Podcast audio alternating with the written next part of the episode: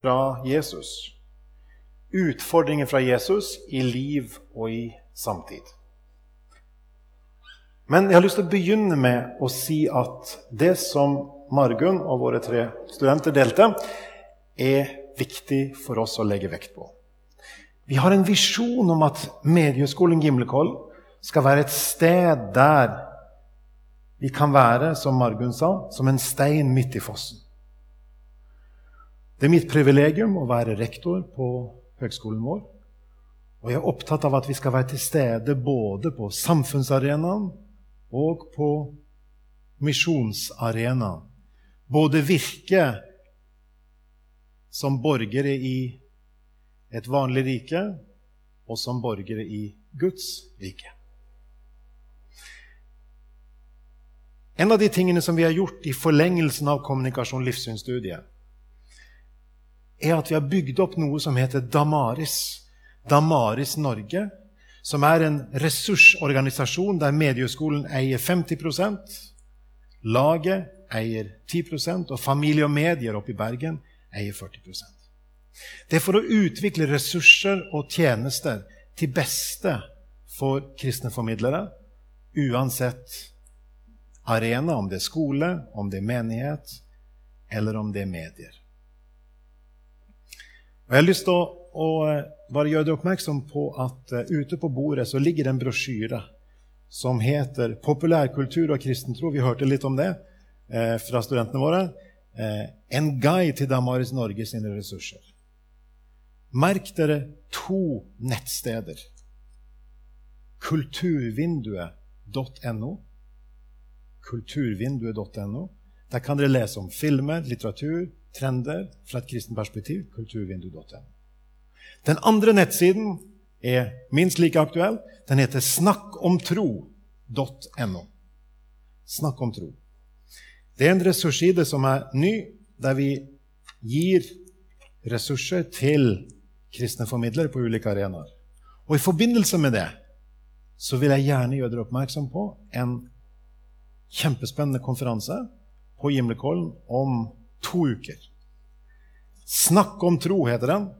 Det er da en eh, amerikansk dame som er kjent for oss som begynner å bli litt eldre her. Eller veldig mye eldre etter hvert. Eh, som, eh, hun heter Becky Pippert. Hun skrev en bok som heter 'Ut av saltbøssa'. På 80-tallet var det den store, viktige boka om evangelisering. Hun er still going very strong. Fantastisk god formidler. Og hun kommer til Gimlekollen og det er vel verdt. Jeg håper at noen fra Salem også har mulighet til å være med. Dere vil ikke angre på det. Fra en, klokka seks en fredag e- ettermiddag eh, den femte til fire på lørdag ettermiddag den sjette. Så jeg håper at Salem kan sende noen. Vi håper å samle 200 stykker, kanskje, eh, de to dagene.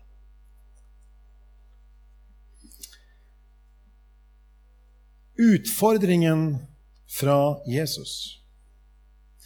Vi har sunget sterke ord om Jesus her. Flotte lovsanger der vi har fokusert på hvem Jesus er. I kveld har jeg lyst til å løfte frem to spørsmål fra Jesus til hans disipler. Og dersom du regner deg som en disippel av Jesus, så er de spørsmålene også til deg og til meg skal vi be sammen. Kjære Herre Jesus, takk for at uh, du er Herre, Frelser, den levende Guds sønn. Vi ber om at uh, du velsigner oss alle til å lytte, til å ta inn utfordringer fra deg i kveld, i våre liv og i møte med vår samtid.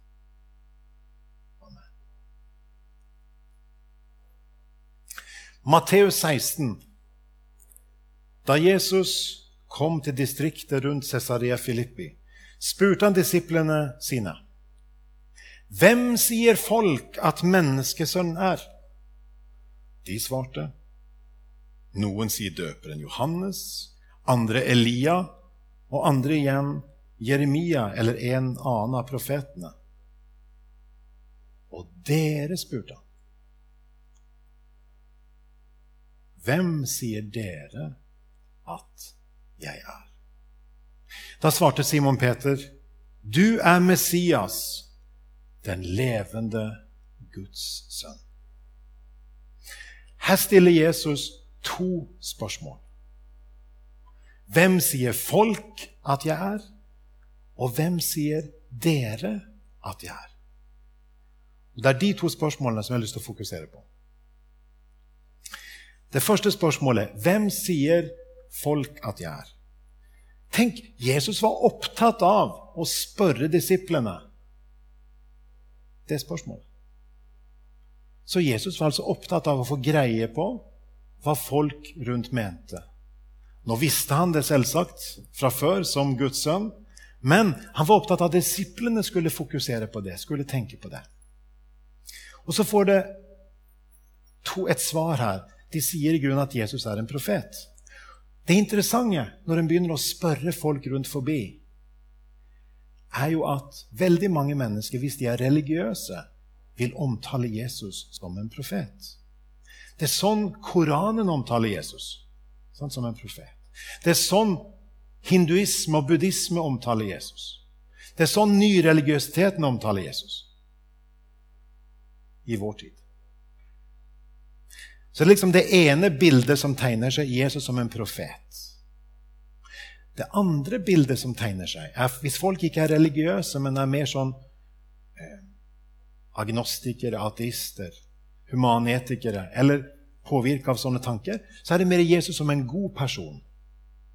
Det er veldig få som avviser Jesus helt. Det er veldig få mennesker som sier at 'jeg vil ikke ha noen ting med Jesus å gjøre' i hele tatt. Jeg husker en gang Det fins noen som gjør det. Hedningesamfunnet har dere kanskje hørt om. Det er jo en liten, marginell bevegelse. Men jeg husker en gang så gikk kona mi Margunn og jeg på, på, jeg holdt på å si Markens, men det er slett ikke det. Det var Karl Johan i Oslo. Så provinsiell blir den, ikke sant? Jeg snakker om Markens når det er Karl Johan. Eh, I Oslo. Og da sto, det, sto hedningesamfunnet der og hadde holdt på. Og de rakka ned på kristen tro hele veien. ikke sant? Konstant negativt. Så var det åpen mikrofon, og så kunne jeg ikke dy meg. Så tok jeg den, og så sa jeg unnskyld, nå har jeg hørt her i et kvarter. Jeg har bare hørt hva dere er imot. Hva er dere for? Det var ikke noe særlig meningsfullt svar, for å si det sånn. Så det er et unntak. Det er noen få unntak, men de aller fleste i samfunnet i dag ønsker å ha Jesus med på laget ønsker at Jesus skal legitimere det en står for. Det skal vi merke oss veldig tydelig. Jeg står med et uh, nystarta tidsskrift her.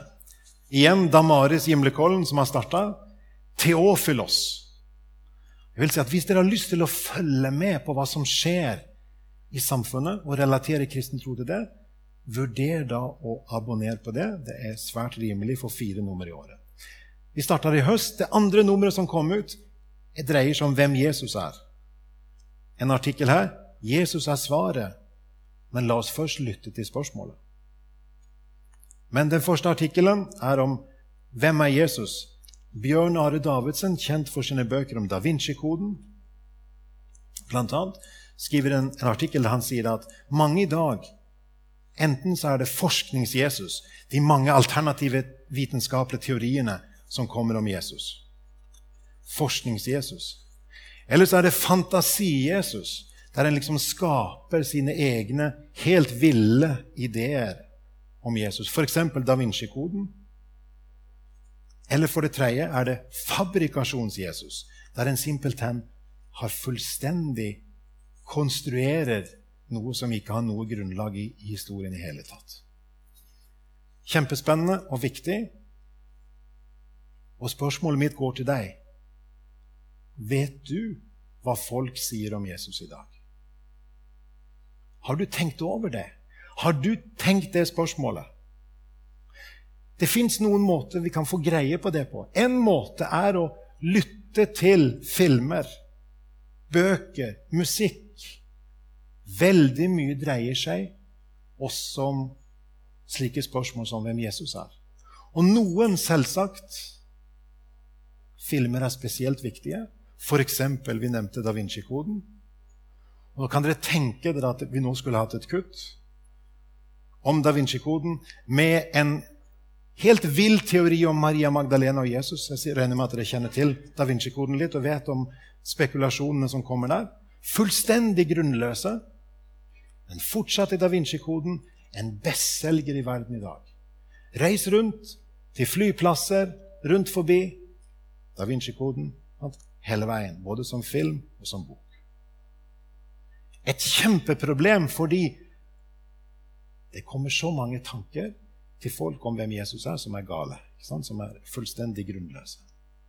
Men hvis vi snur på det, så er jo dette en fantastisk mulighet. For vi trenger ikke sette spørsmål om hvem Jesus er på dagsorden. Det er allerede på dagsorden i kulturen vår. Det er allerede satt på dagsorden av populærkulturen. Sant? Eller i populærkulturen. Ikke bare hvem spørsmålet hvem Jesus er, men hva med Det nye testamentet? Spørsmålet er klarer du og jeg å bruke dette. Derfor er Jesus' spørsmål til oss i kveld det første spørsmålet er Hvem sier folk at menneskesønnen er? Kan du svare på det spørsmålet i kveld? At du vet hva andre mennesker tenker om Jesus? Sånn at du kan begynne der, og så gå vandringen inn mot Bibelens Jesus. Hvem sier folk at menneskesønnen er? Har du stilt det spørsmålet til venner, til familie, når muligheten er der? Har du lytta til det spørsmålet fra Jesus på ramme alvor og stilt spørsmålet til andre når det er naturlig?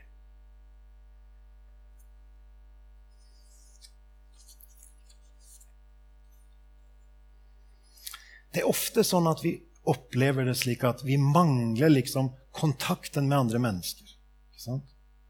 Men kanskje er det fordi vi ikke har lært å stille andre mennesker spørsmål. Kanskje er det fordi vi tror vi alltid skal komme med svarene. Men kanskje skal vi få lov til å begynne med å komme med spørsmål. Og så vil det være en bro som bygges av kommunikasjon, en bro som bygges til andre mennesker, og så vil spørsmålene, hvis det er reelle vennskap og relasjoner, komme i retur til oss. Ja, men Lars, hvorfor tror du?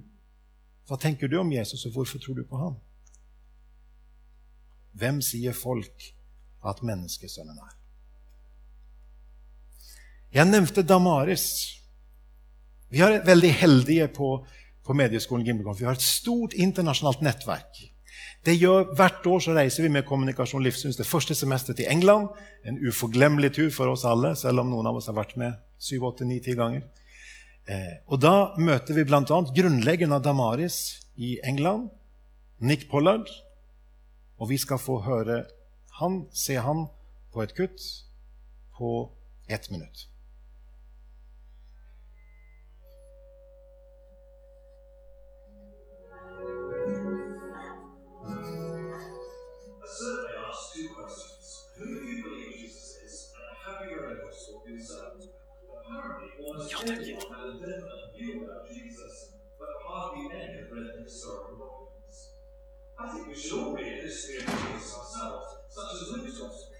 Jesus Who do you say I? That's a great question. Jesus lived 2,000 years ago, never wrote a book, never fought a little political party, never led an army, and was killed on a cross. Yet Christianity then exploded on the scene. Just a few years later, there was an immense multitude of Christians in Rome, according to Tacitus, the Roman historian. Even today, recent statistics show that Christianity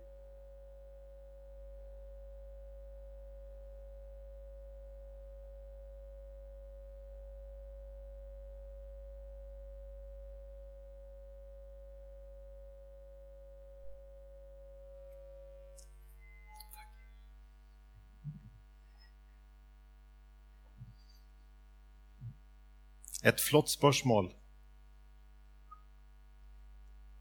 Hvem sier du, hvem sier dere at jeg er? Spørsmålet stilte da Jesus til Peter. Og til disiplene. Og selvsagt var det Peter som svarte. Vi kjenner Peter. Han er alltid ivrig, først ut på banen, og også her.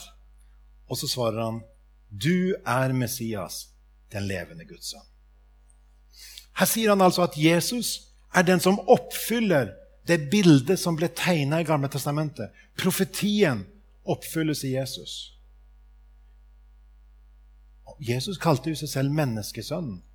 Jeg skal ikke bruke for mye tid på det, men dere vet kanskje det at ordet menneskesønn, uttrykket, kommer fra Daniels bok og er et veldig sterkt uttrykk om at det kommer en mann, en skikkelse en gang, som skal være som en menneskesønn, som får all makt og autoritet. Slik at når Jesus kaller seg selv menneskesønnen, er det egentlig ikke at han er menneske, men at han oppfyller den profetien om å være den allmektige, den med all autoritet. Herre, Guds sønn. Og Derfor sier også Simon Peter, du er Messias, den levende Guds sønn. Men hvordan vet vi at dette er sant? For det første vet vi det fordi Jesus bekreftet Salig er du, Peter, dette har ikke du kommet på selv, men Den hellige ånd har åpenbart det for deg. Men så vet vi det også fordi det er historisk troverdig. Jeg vet ikke om, om dere vet hvilken tekst i Nytestamentet som er den, det eldste vitnesbyrdet om Jesus. Hvem han er. Jo, det er 1. Korinterbrev 15. 3, 4, 5, 6. Der er det Paulus som skriver at han, like etter at han ble kristen, mottok han fra de andre apostlene hvem Jesus var. At han døde for våre synders skyld etter Skriftene, at han ble gravlagt, at han sto opp etter Skriftene, at han viste seg for den ene etter den andre osv. Med andre ord vi befinner oss innen fem, seks, syv år etter Jesu døde oppstandelse en bekjente Jesu død oppstandelse som kjernen i kristen tro. Det er ikke noe vi har kommet på nå. Det var Fra begynnelsen av det var kjernen i budskapet. Og fra første stund av så anerkjente en Jesus som den levende Guds sønn, som den oppståtte fra det død.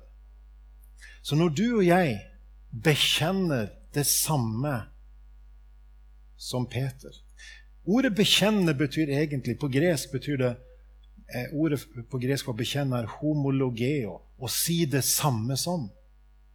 Så hvis du og jeg bekjenner noe, så sier vi det samme som, i dette tilfellet Peter. Og dermed så kommer så kommer eh, spørsmålet fra Jesus til oss i kveld. Hvem sier dere at jeg er? Har du stilt det spørsmålet? Eller latt Jesus stille deg det spørsmålet i det siste? Eller kanskje du ikke har gjort det noen gang? Kanskje har du kommet hit i kveld og lurer på hva kristen tro er. Og så har du muligheten til å høre det spørsmålet fra Jesus.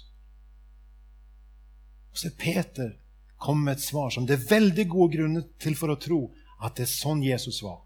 C.S. Lewis, han med Narnia-bøkene, vet dere, han skrev i, i 'Se det i øynene', heter den på norsk, at mange mennesker sier at eh, Jesus bare er som et godt menneske. Men den muligheten er ikke åpen for oss.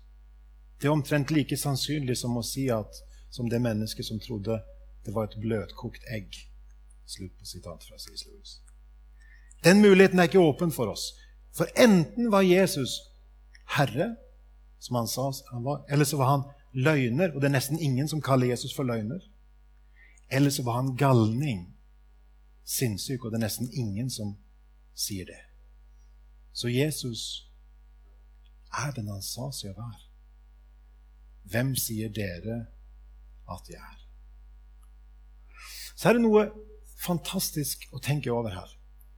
Jesus Vi sang det i en av lovsangene at Jesus er Herre han er den som Gud skapte ved hans ord.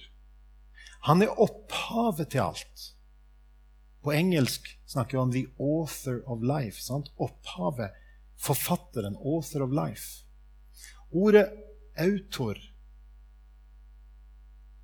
har med autoritet å gjøre. The author of life has authority over life. Dersom Jesus er opphavsmann til alt, til deg og meg, så har han autoritet over våre liv. Da er han den rettmessige eieren av våre liv. Derfor kommer spørsmålene til oss i kveld fra Jesus. Hva sier folk om meg? Og hva sier dere om meg? Skal vi bli stille i bønn lite grann og reflektere over de ordene? hva de betyr for deg og meg i mitt liv, før jeg ber.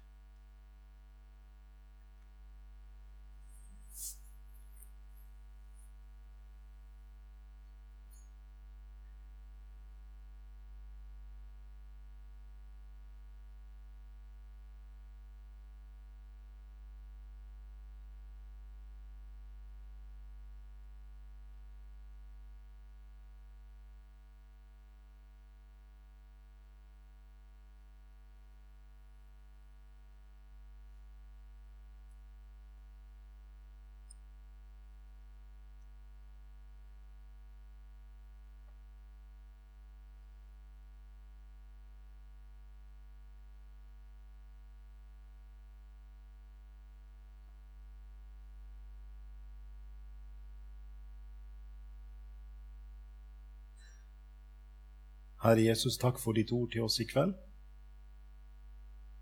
Vi ber om å lytte til dine to spørsmål til oss. Herre, gi oss øyne og øre.